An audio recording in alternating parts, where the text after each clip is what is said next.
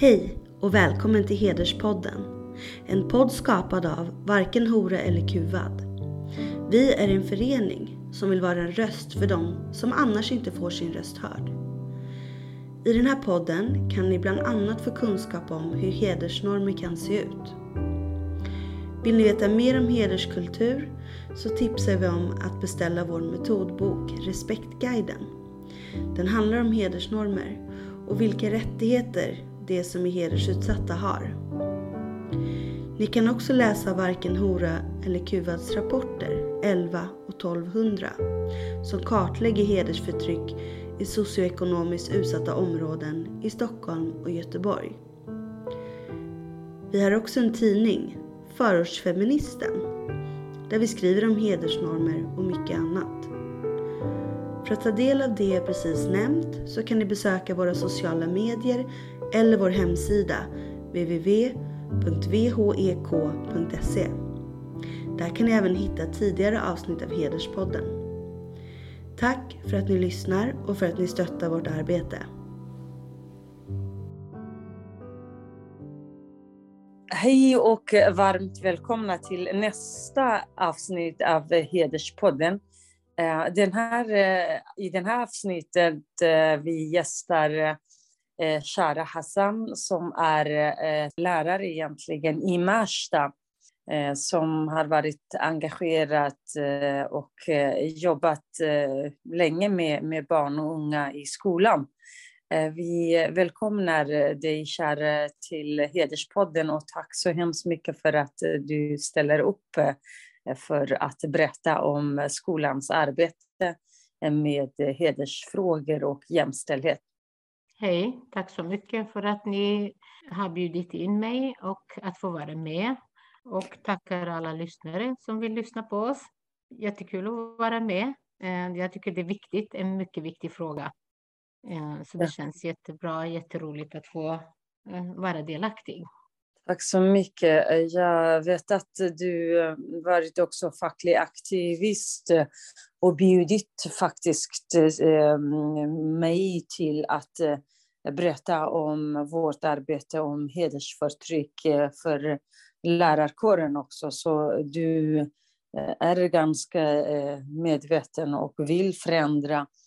Skulle du vilja berätta lite grann för eh, oss eh, varför du, varifrån kommer du, var, varför är du engagerad och vad har du gjort lite grann så att man har lite bakgrund till det. Eh, jag kommer från Kurdistan och jag har bott i Sverige i 30 år. Sen lämnade jag mitt hemland i ganska tidig ålder. Jag var bara 18 år och jag hade precis hunnit eh, gå klart lärarlinjen där. Eh, och sen flyttade jag mellan olika länder. Eh, då min man var gerillasoldat så vi bodde i berget ett och ett halvt år. Och sen fick vi stipendium i Ryssland och vi studerade och sen kom vi till Sverige och sökte asyl här. Och då valde vi Sverige för att det var ett demokratiskt land, eller det är ett demokratiskt land eh, som är mån och vän om de mänskliga rättigheterna. Eh, och eh, jag har jobbat med barn sedan jag flyttat till eh, Sverige, alltså under alla mina år. Först läste jag SFI eh, sex månader eh, och sen flyttade vi hit till Märsta och läste på komvux. Eh, efter det gick jag, kontaktade jag Arbetsförmedlingen och sa att jag har en lärarutbildning, kan inte få jobba på förskolan. Och då fick jag lokal revidering, eh, nej, validering heter, heter det. Och sen arbetade jag som förskollärare nästan 13 år. Och sen började jag om på lärarhögskolan och gick om hela lärarprogrammet för utbildningen.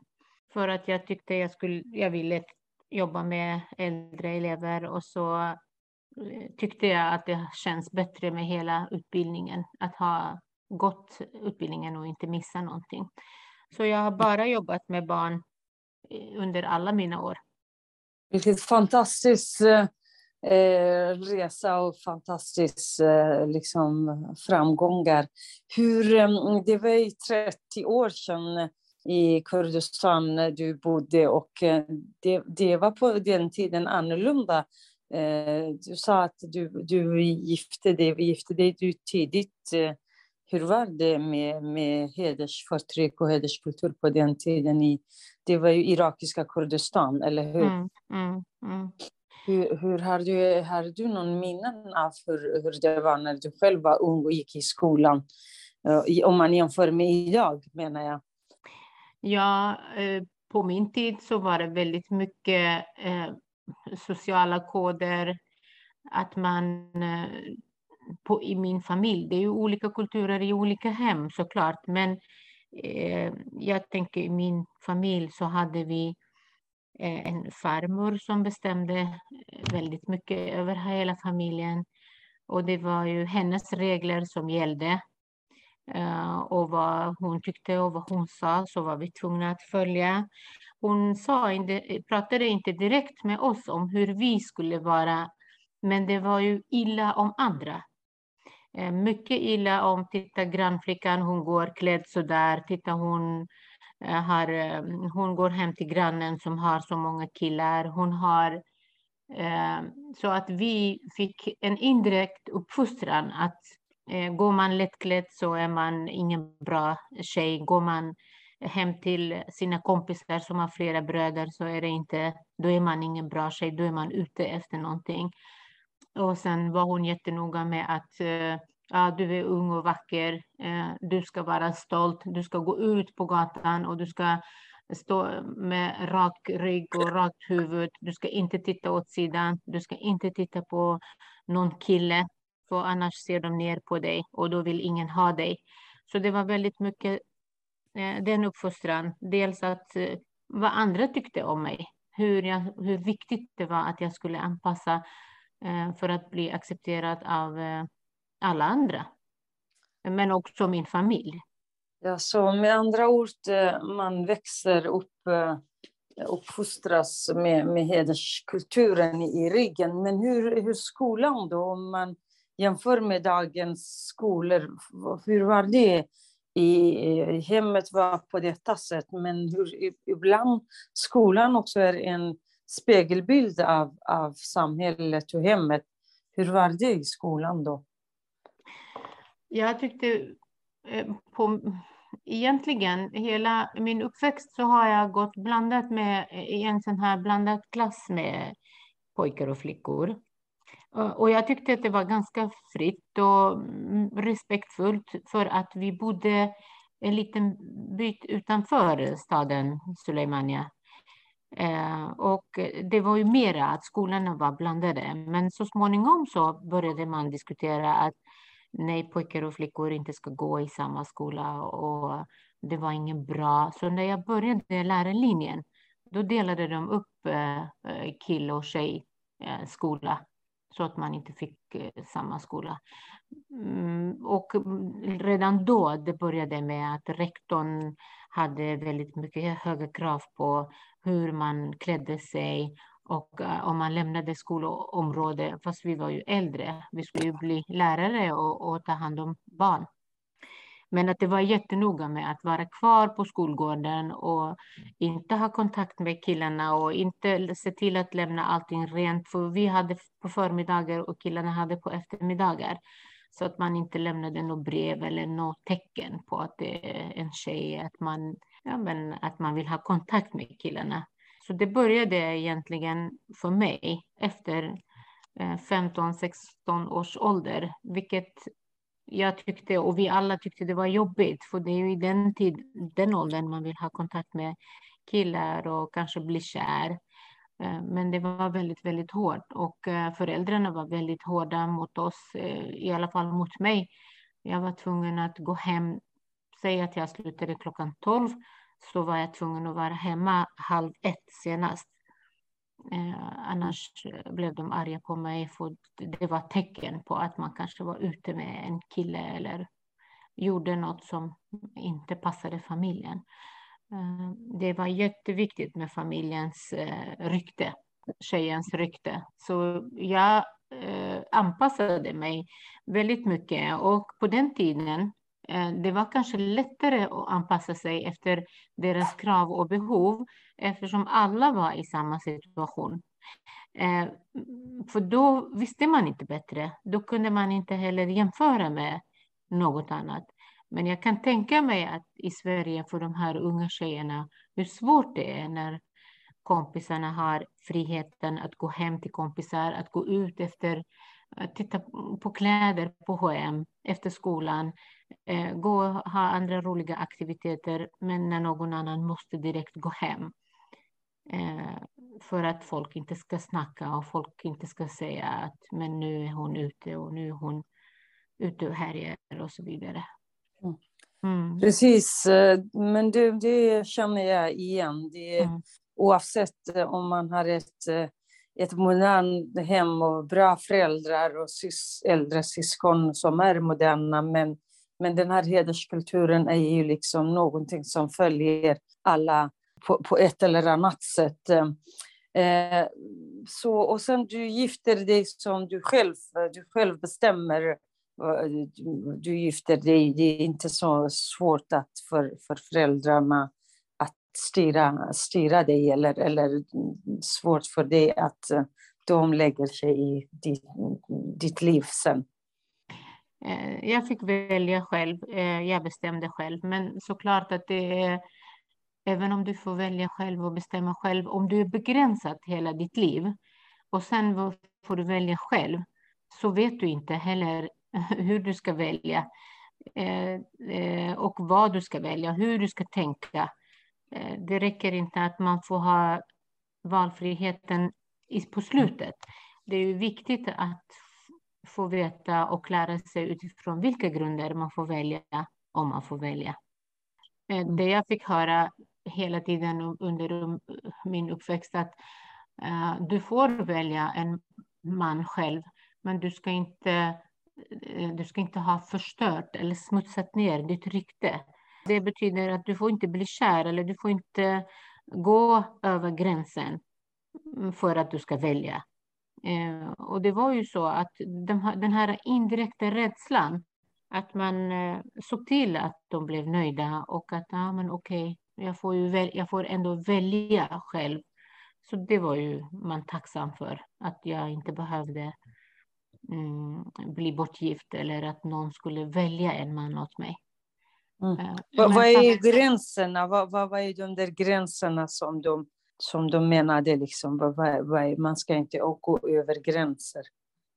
Ja, men kanske att eh, om, om man blir kär i en kille och folk får reda på det och eh, ryktet sprider sig, då, då får man kanske inte gifta sig med den killen. För det kan betyda att man har gått längre, att man kanske haft sex och att man, eh, eh, ja men, då, då, får man inte gifta sig med den killen. Och, eh, och då har man smutsat ner familjens eh, namn eller heder. Eh, så det var jätteviktigt att även om du känner att du är intresserad av en tjej eller en kille, att ingen får veta om det. Det ska ju bara hållas hemligt.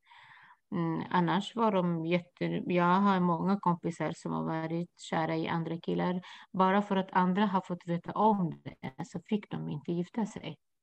Eh, då, då är det inte man gifter inte enligt sin egen, sin egen vilja utan det som föräldrarna ändå bestämmer, ja, eller hur? Det, de har bestämt eh, alla riktlinjer för hur det ska gå till. Precis, och det är här också i Sverige man pratar särskilt med en, en del eh, vuxna kvinnor, eller många, nästan alla. Då säger de, men, men jag har ändå kunnat välja. Då säger man, men men vilken vill, eh, välja du? Det finns mm. ju ingen vilja. När, när föräldrar måste godkänna, då är det någon som de har mm. valt, inte du själv. Mm. Ja.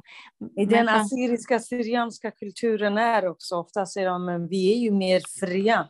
Mm. Eh, än, än andra kvinnor. Men mm. ändå, då ser när det är val av giftermål, är du läkare, är du liksom advokat, det måste föräldrar eller släktingar godkänna, annars det går inte. Det spelar ingen roll vad har du för, för liksom, etikett och, och yrke eller ålder. Mm. Det, det, det, där, det där är så intressant menar jag, på vad är det liksom enligt hederskulturen, valfriheten. Mm. Eh, och där kan vi komma sen till skolan och att man säger att flickorna väljer hijab, flickorna själv väljer. Så är det inte. Det är man hjärntvättas från början. Ja. ja. Mm. Den friheten i att gifta sig, att man har valt det, det är ändå att min familj har inte hämtat en man och sagt den här ska du gifta dig med. Utan mm. jag, har, jag hade kunnat säga nej. Det är ju klart att mm, mm, är man från en, en familj som du hade ju lite mer valfrihet i alla fall, även om de godkänner det och måste godkänna. Men det, det finns eh, tjejer som kan säga nej också.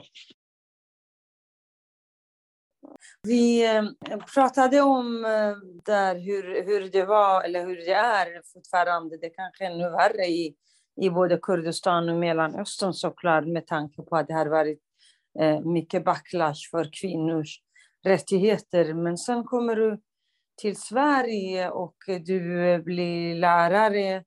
Och även om det var för 30 år sedan jämfört med nu, här var det också eh, mycket annorlunda när vi kom. Så eh, undrar, hur ser du på arbetet i skolan eh, och i samhället mot hedersförtryck? Särskilt med de ungdomar i skolan. Vad, vad, är det som är problem du ser och vad, vad, vad, är det som man inte, inte gör som man borde göra i skolan eh, för att bekämpa hedersförtrycket?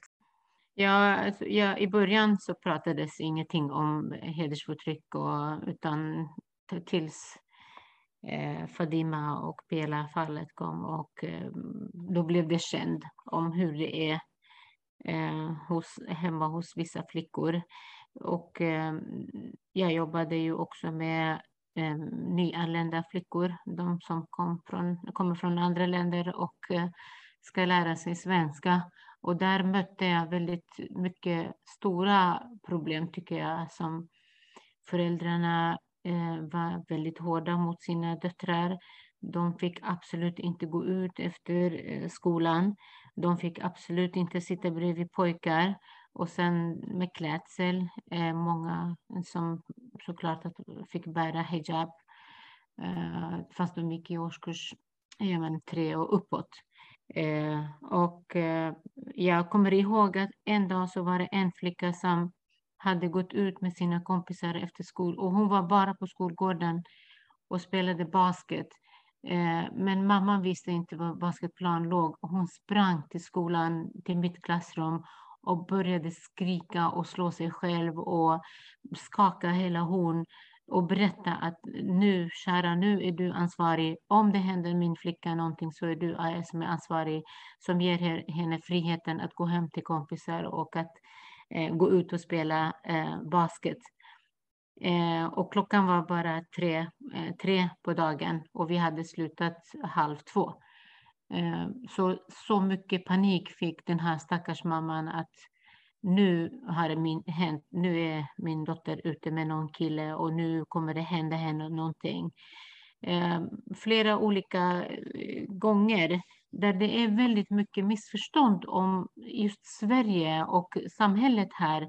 Och de tror att det är väldigt helt slappt, att man får göra precis som man vill i vilken ålder man än är. Det finns inga gränser. Inga eh, vuxna eller svenska föräldrar eller till och med gamla invandrarföräldrar som bor här eh, säger åt, så allt är bara slappt. Eh, det är väldigt, väldigt mycket missförstånd när det gäller eh, svenska samhället och väldigt mycket missförstånd om eh, socialen, hur SOS hanterar olika fall. Och då tror de att ja, men till exempel om de säger till sina barn, gå inte ut, så kan man SOS-anmäla och så placeras barnen. Eh, så det jag har saknat under alla mina år i skolan och fortfarande, det är den här kunskapen om svenska samhället eh, och informationen om konsekvenserna om vad det är som händer. Vi pratar väldigt mycket i Sverige om förebyggande arbeten. Men jag tycker inte att det arbetas väldigt mycket förebyggande med de nya familjerna som kommer till Sverige. För det är då man kan nå föräldrarna. Det är då man kan också nå eh, barnen. För när man söker skydd i ett land, de flyr alltid från någonting. Som man flyr hit för att skydda sitt liv, sina barn. Och man får såklart att man flyr för familjens bästa, för barnens bästa. Men vet jag om vad mitt barns bästa är i det här landet så följer man. Men man väntar jättelänge. Man låter barnen gå i skolan, träffa det nya samhället, möta allting som finns eh, utan kunskap. Och sen när barnet går hem och är lite rebellisk mot sina föräldrar och regler, det är då det krockar. För föräldrar har inte fått information. Barnen har lärt sig i skolan vad som gäller. Att jag kan vara fri, att jag får välja. Det här handlar om mitt liv, mina rättigheter. Men föräldrarna har inte fått lära sig någonting. Och när de går hem och får de höra det här som krockar med deras uppfostran och bakgrund, det är då konflikten uppstår. Och det är då barnet går tillbaka till skolan, till läraren, till kuratorn och berättar ja, men så här behandlar mina föräldrar mig. Och det är då socialtjänsten kopplas in. Så allting blir som en ond cirkel. Därför är det jätteviktigt att från första dagen när man tar emot, när man godkänner och, och får asyl, då måste man gå igenom alla regler som gäller i det här landet. Man misshandlar inte sin fru, man misshandlar inte sina barn. Nu säger jag inte att alla gör det, men alla behöver få höra det. Vad är det som gäller? Och faktiskt vad konsekvensen är. Precis, mm. du har ju helt rätt i, eh, kära, kära, men det frågan handlar såklart om samhällets ansvar. Men de här föräldrarna eller den här mamman som springer till dig, såklart att hon har lärt sig, det är ju hela hederskulturens liksom, eh, eh, myt bygger på flickornas oskuld. Mm. Och man har en föreställning hela tiden. Om flickan är ensam ute, det spelar ingen roll. Även om det inte finns någon man. Det handlar mm. om hennes oskuld. Mm. Hon mm. kommer att tappa, mm. någon kommer att ta reda på och familjen kommer att eh, eh, vad heter, eh, få dåligt rykte ja, eh, ja. i samhället. Så den här mamman springer fast det är mitt på dagen. För henne handlar ja. inte om att hennes dotter har sex där på, på, på basketplan. Det handlar om den där rykten att, att man, man har den här oskuldsfrågan har blivit någonting som är så fruktansvärt, skapat rädsla, man mördas på grund av det. Det är ju alla ja. flickor mördas, det är på ja. grund av detta. Egentligen hur en, man kan också säga att samhällets regler och normer, men de här föräldrarna, de här som kommer från hederskulturen, de har den föreställningen om, om oskulden den här myten att det finns en oskuld som, som kvinnan kommer att bli av och hon kommer inte blöda till bröllopsnatten mm. och därför ska hon skyddas till varje, varje pris. Mm. Mm. Så, så det spelar ingen roll vad samhället säger och gör oftast och vilka lagar som finns. De här som är inställda på, på den här myten Mm. Och det är den som, som är i vägen för allt. Eller det är den som alla ska skydda. Visst är det, ju, är det ju det här som det handlar om. Både du och, du och jag och, och eh, miljarder andra kvinnor har uppfostrats med förr i tiden i Sverige och i andra länder och nu i många länder där hederskultur förekommer. Ja, absolut. Jag håller med dig, men samtidigt så måste man ändå, det är ju en del av barnens eh, rättigheter att, jag menar, eh, när jag var liten så var det väldigt viktigt att man inte fick cykla, att man inte fick simma, att man inte fick äh, göra vissa aktiviteter som kanske kunde leda till att man äh, började blöda och äh, att man är inte oskuld längre. Eh, och det är samma här, det är viktigt för dem eh, för att det är egentligen en lång historia. För som du säger att man kan bli mördad för att man har varit i, tillsammans med en annan man. Och, eh, så jag tycker fortfarande att det är viktigt att gå igenom eh, med familjerna vad barnens rättigheter i Sverige betyder när man väljer att komma till ett sådant land eh, där det är där barn det finns barnkonventionen som vi följer och barns rättigheter. För det räcker inte att jag berättar för, för mina elever. Jag gör det självklart. Det är en del av skolans värdegrund som vi jobbar med dagligen. Vilka rättigheter de har och vad barnkonvention handlar om. Men det blir ju som att bygga, bygga ett slott på tom, utan grund.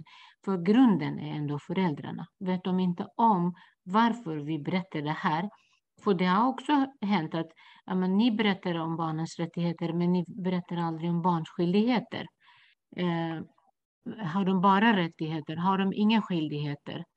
Så det, det blir en krock med, mellan skola och eh, hem om man inte når föräldrarna också.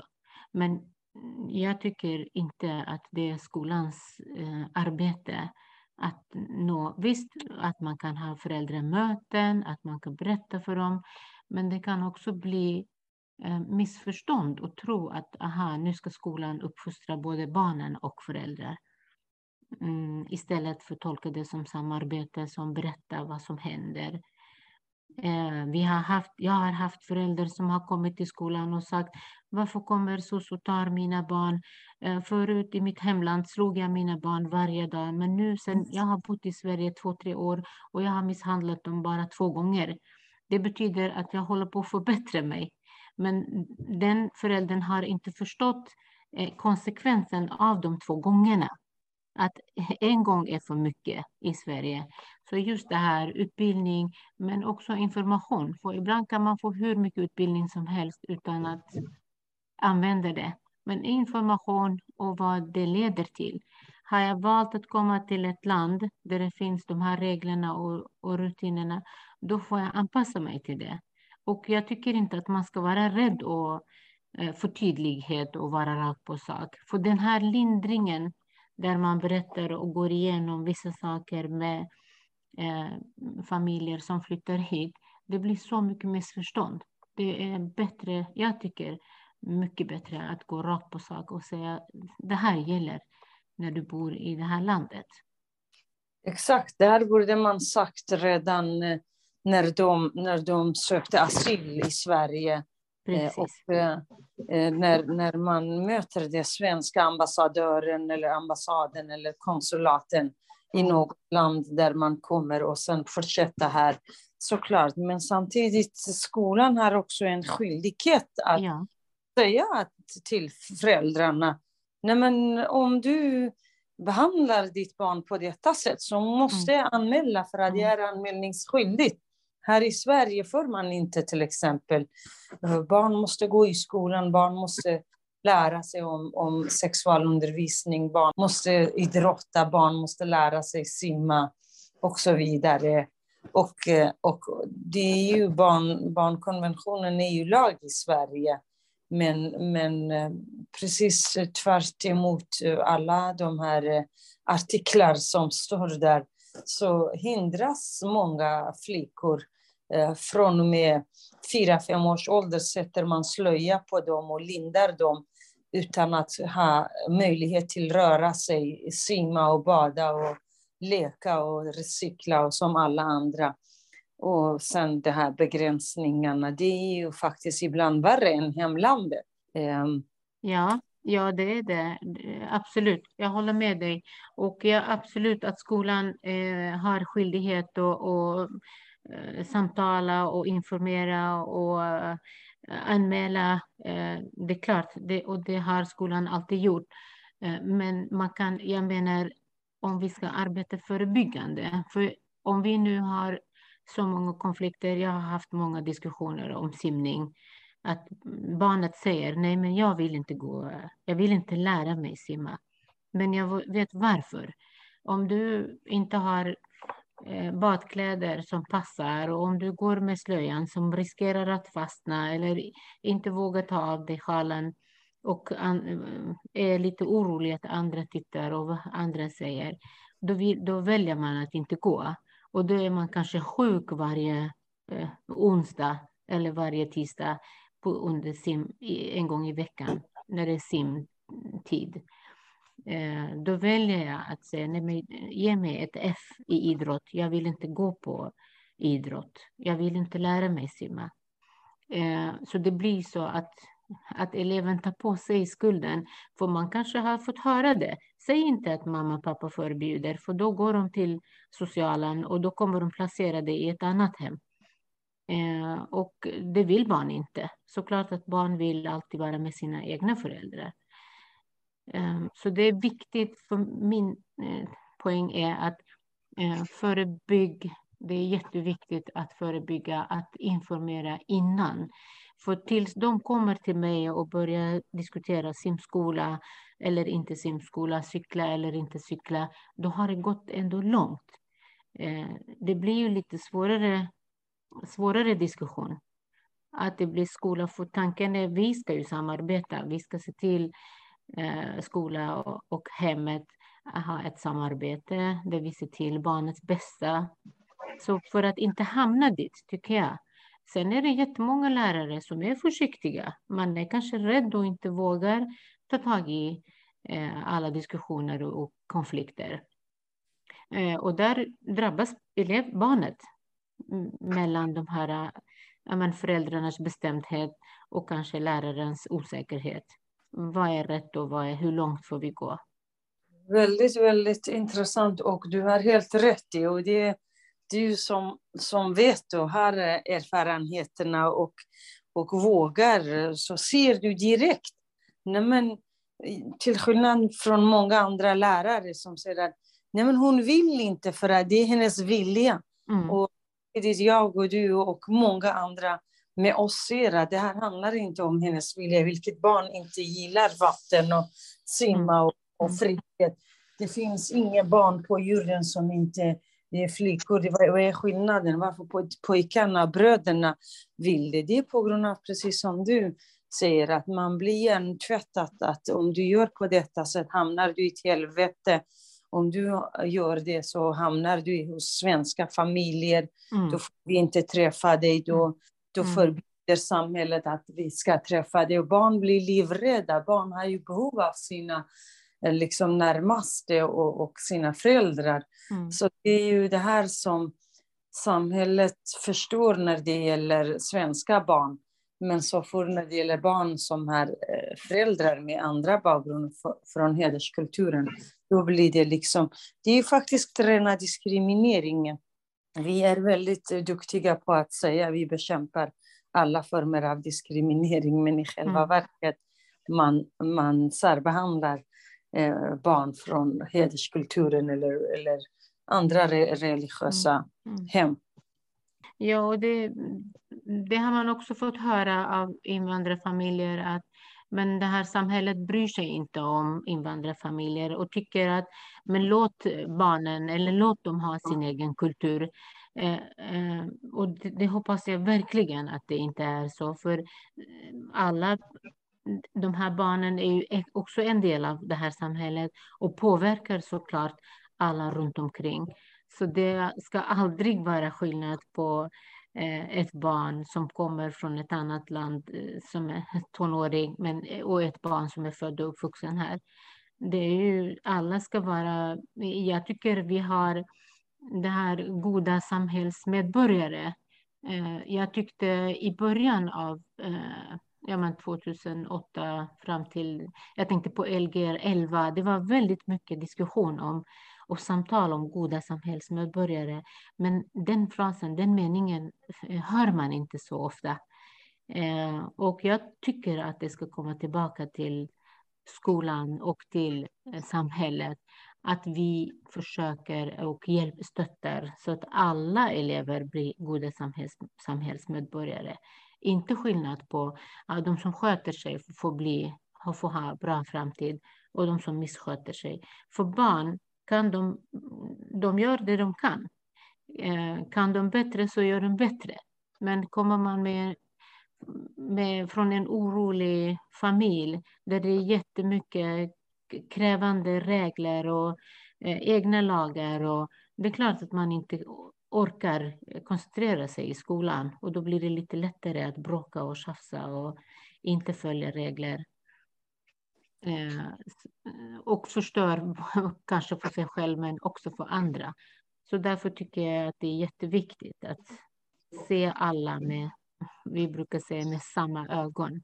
Det är ingen skillnad på barn och barn. Och jag säger inte att det förekommer jätteofta, men det kan, det förekommer också att ja, men låt honom vara. Det är bättre att vi fokuserar på de andra 24 och eh, det barnet som inte sitter och inte sköter sig och inte lyssnar. Vi kan inte göra åt saken. Men oftast barn hamnar ju mellan stolarna där mm. hemmet har mm. sina krav, skolan har andra krav. Mm. Och då barnen, de vet inte vad de... Det är ju det här jag har pratat om i, i över 25 år, ingenmanslandet. Vad ska de göra? Eh, där det, ju, det handlar inte om barnen, det handlar egentligen om föräldrarna, hemmet och skolan. Där, där, man, där man inte är på barnens sida alltid. Så är det i hederskulturen.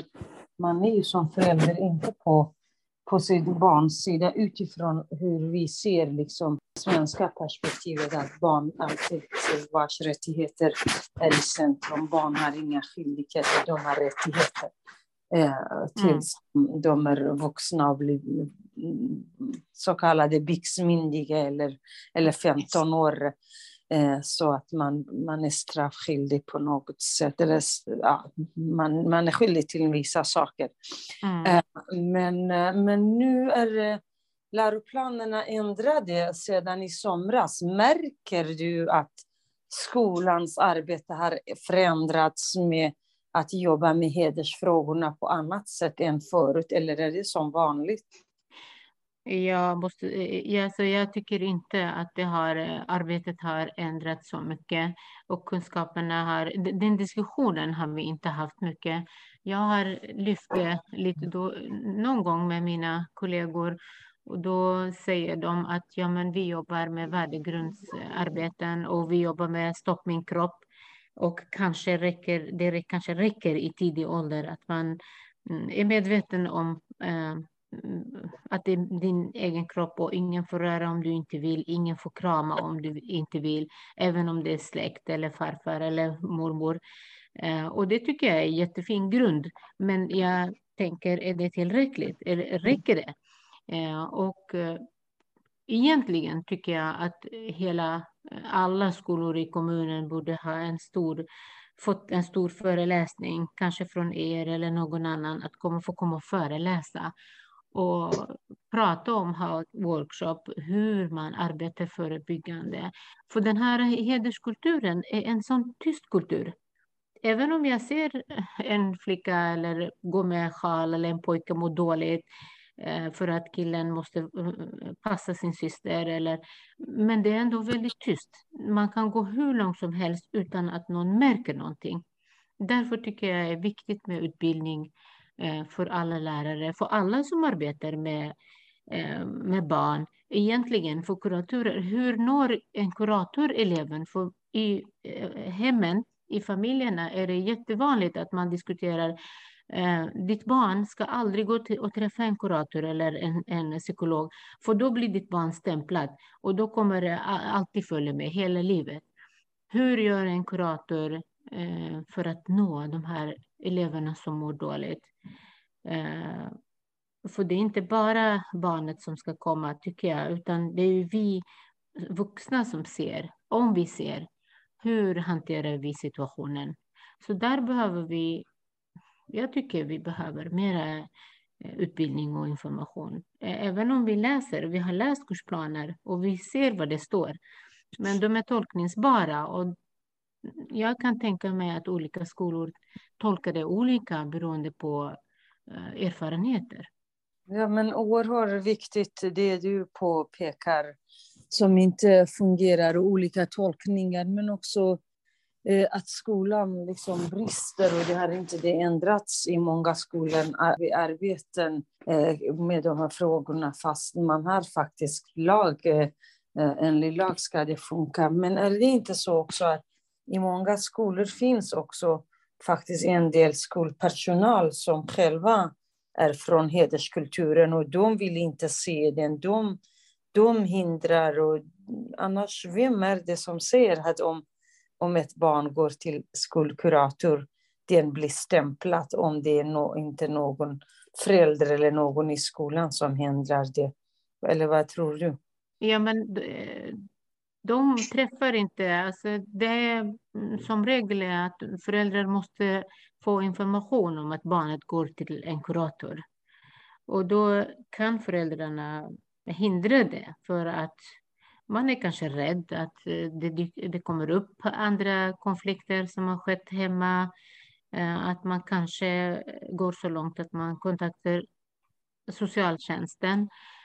Så eh, det är föräldrarna som hindrar. Sen det är klart att det finns mm, personal från andra kulturer, men de jag har sett och de jag har arbetat med har aldrig motarbetat kursplaner eller lagar och regler. Det måste jag ändå säga. Sen vet jag att det finns eh, på andra skolor, eh, kanske på, mest på de religiösa skolorna och eh, jag har sett eh, andra eh, personal på andra skolor som har haft konstiga diskussioner med eleverna.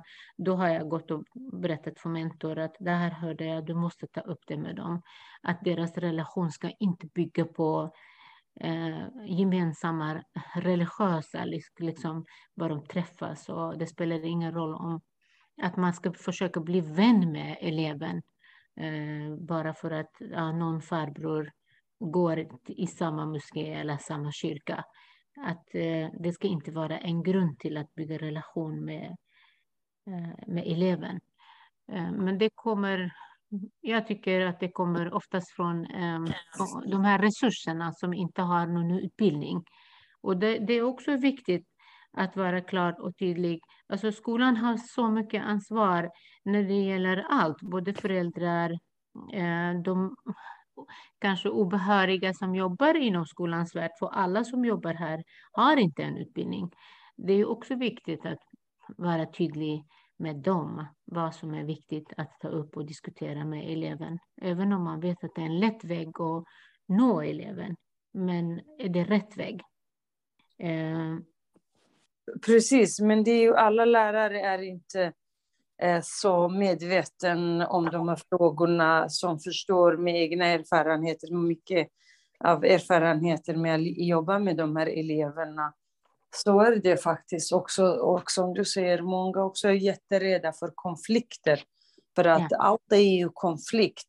Mm. Jag har varit med om i skolor där man, man har velat hota personal för att man anmäler eller man, eh, man är missnöjd eh, med, med lärare eller med skolans arbete för att eh, man vill behålla sin hederskultur. Och mm. Sin, mm. liksom. Det, det är ju, som du säger, tyvärr, vi har ju gett fel signal. Samhället har gett fel signal. Man har aldrig varit enhetligt stått upp för barns rättigheter och emot alla former av förtryck både hederskultur och religiöst förtryck och äh, etniskt mm. förtryck och allt. Man har ju bara pratat så vackra ord, men i mm. praktiken, mm. i praktiken har det varit helt annorlunda. Så därför är det så svårt just nu att förändra och samhället snackar mycket och satsar mycket pengar men samtidigt eh, jobbar inte på riktigt med frågorna, tyvärr. Precis, men det, jag håller med dig. Det är de här vackra orden som man måste eh, komma över, lämna dem och gå rakt på sak, gå på detaljer. Berätta på ett föräldramöte Eh, vilka kunskapskrav det är på idrotten och varför är simning så viktigt och hur det påverkar barnet. För jag tänkte, människor är ju, eh, funkar så att vet jag att jag får någonting utav det här så blir det inget, äh, inget problem. Om jag vet att simningen leder till att ja, men det, är klart att jag blir simkunnig. Vi bor i ett sånt här land, det är väldigt mycket vatten. Eh, men också att det är ett, kunskapskrav i idrotten. Att har du inte godkänd i idrotten så kan du inte komma vidare till eh, gymnasiet. Eller du kan komma vidare, men det blir ju ett problem för att komma in till exempel på universitetet. Så då vet man att varför just det här är ett så, att det är så viktigt. Det handlar inte om att ditt barn ska klä av sig och gå och simma i vattnet för att det barnet ska känna. Sen är det också självklart att det är eh, jättehärligt att röra på sig i vattnet och sånt. Men att det är ett krav eh, för att, eh, att vi måste följa läroplanen och att det är för ditt barns bästa. Inte bara för att jag vill att ditt barn ska gå eh, simma eh, för att det är barns rättighet. Det är viktigt, men det är också varför. Det finns ju flera viktiga punkter till varför det är viktigt att simma eller att gå på musiklektioner eller att, gå på, att ha sexualkunskap och också berätta för föräldrarna vad undervisar du när det är sexualkunskap?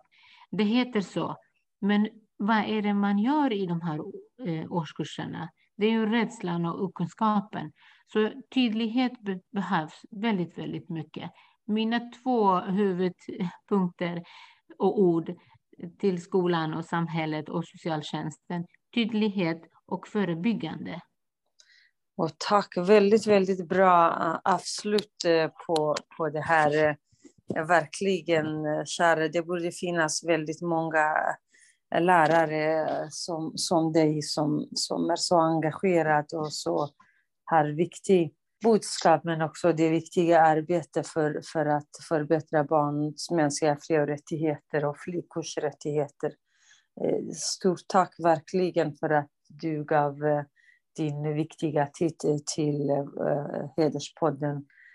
Och om du vill säga något på slutet jag vet att du har tajt med tiden, så varsågod. Mm. Tack så mycket. Eh, jag vill också lägga till att på min skola på högstadiet så jag är jättestolt att de arbetar med Ilaf Alis bok eh, Vem har snackat om kärlek? som innehåller väldigt mycket viktiga delar eh, där eleverna blir medvetna om sin kropp och sitt liv och andra, hur andra har det och kan ha det. Så där jobbar vi Eh, på ett eh, väldigt bra pedagogiskt sätt. Eh, jag tycker det finns jättemycket, mycket mera att prata om. En timme räcker inte. Men jag förstår att, att er tid är så kort. Så jag hoppas verkligen att i framtiden att vi kan fortsätta och gå in på ännu flera detaljer när det gäller hederskulturen och ehm, barns, rätt, barns rättigheter. Jag säger inte flickors rättigheter, för om inte flickorna är fria, då är inte pojkarna heller fria. Så, eller, så det handlar om alla i hela samhället. Eh, och tack så mycket för att jag fick ehm, få vara med och få säga, prata om mina tankar och känslor, men också mina erfarenheter. Tack så hemskt mycket. Det kommer vi absolut också ställa upp på, på din skola och, eh, och vi har också med Respektguiden som, som metod. Såklart att vi kommer att hjälpa till och tack för att du finns. Tusen tack. Tack så mycket.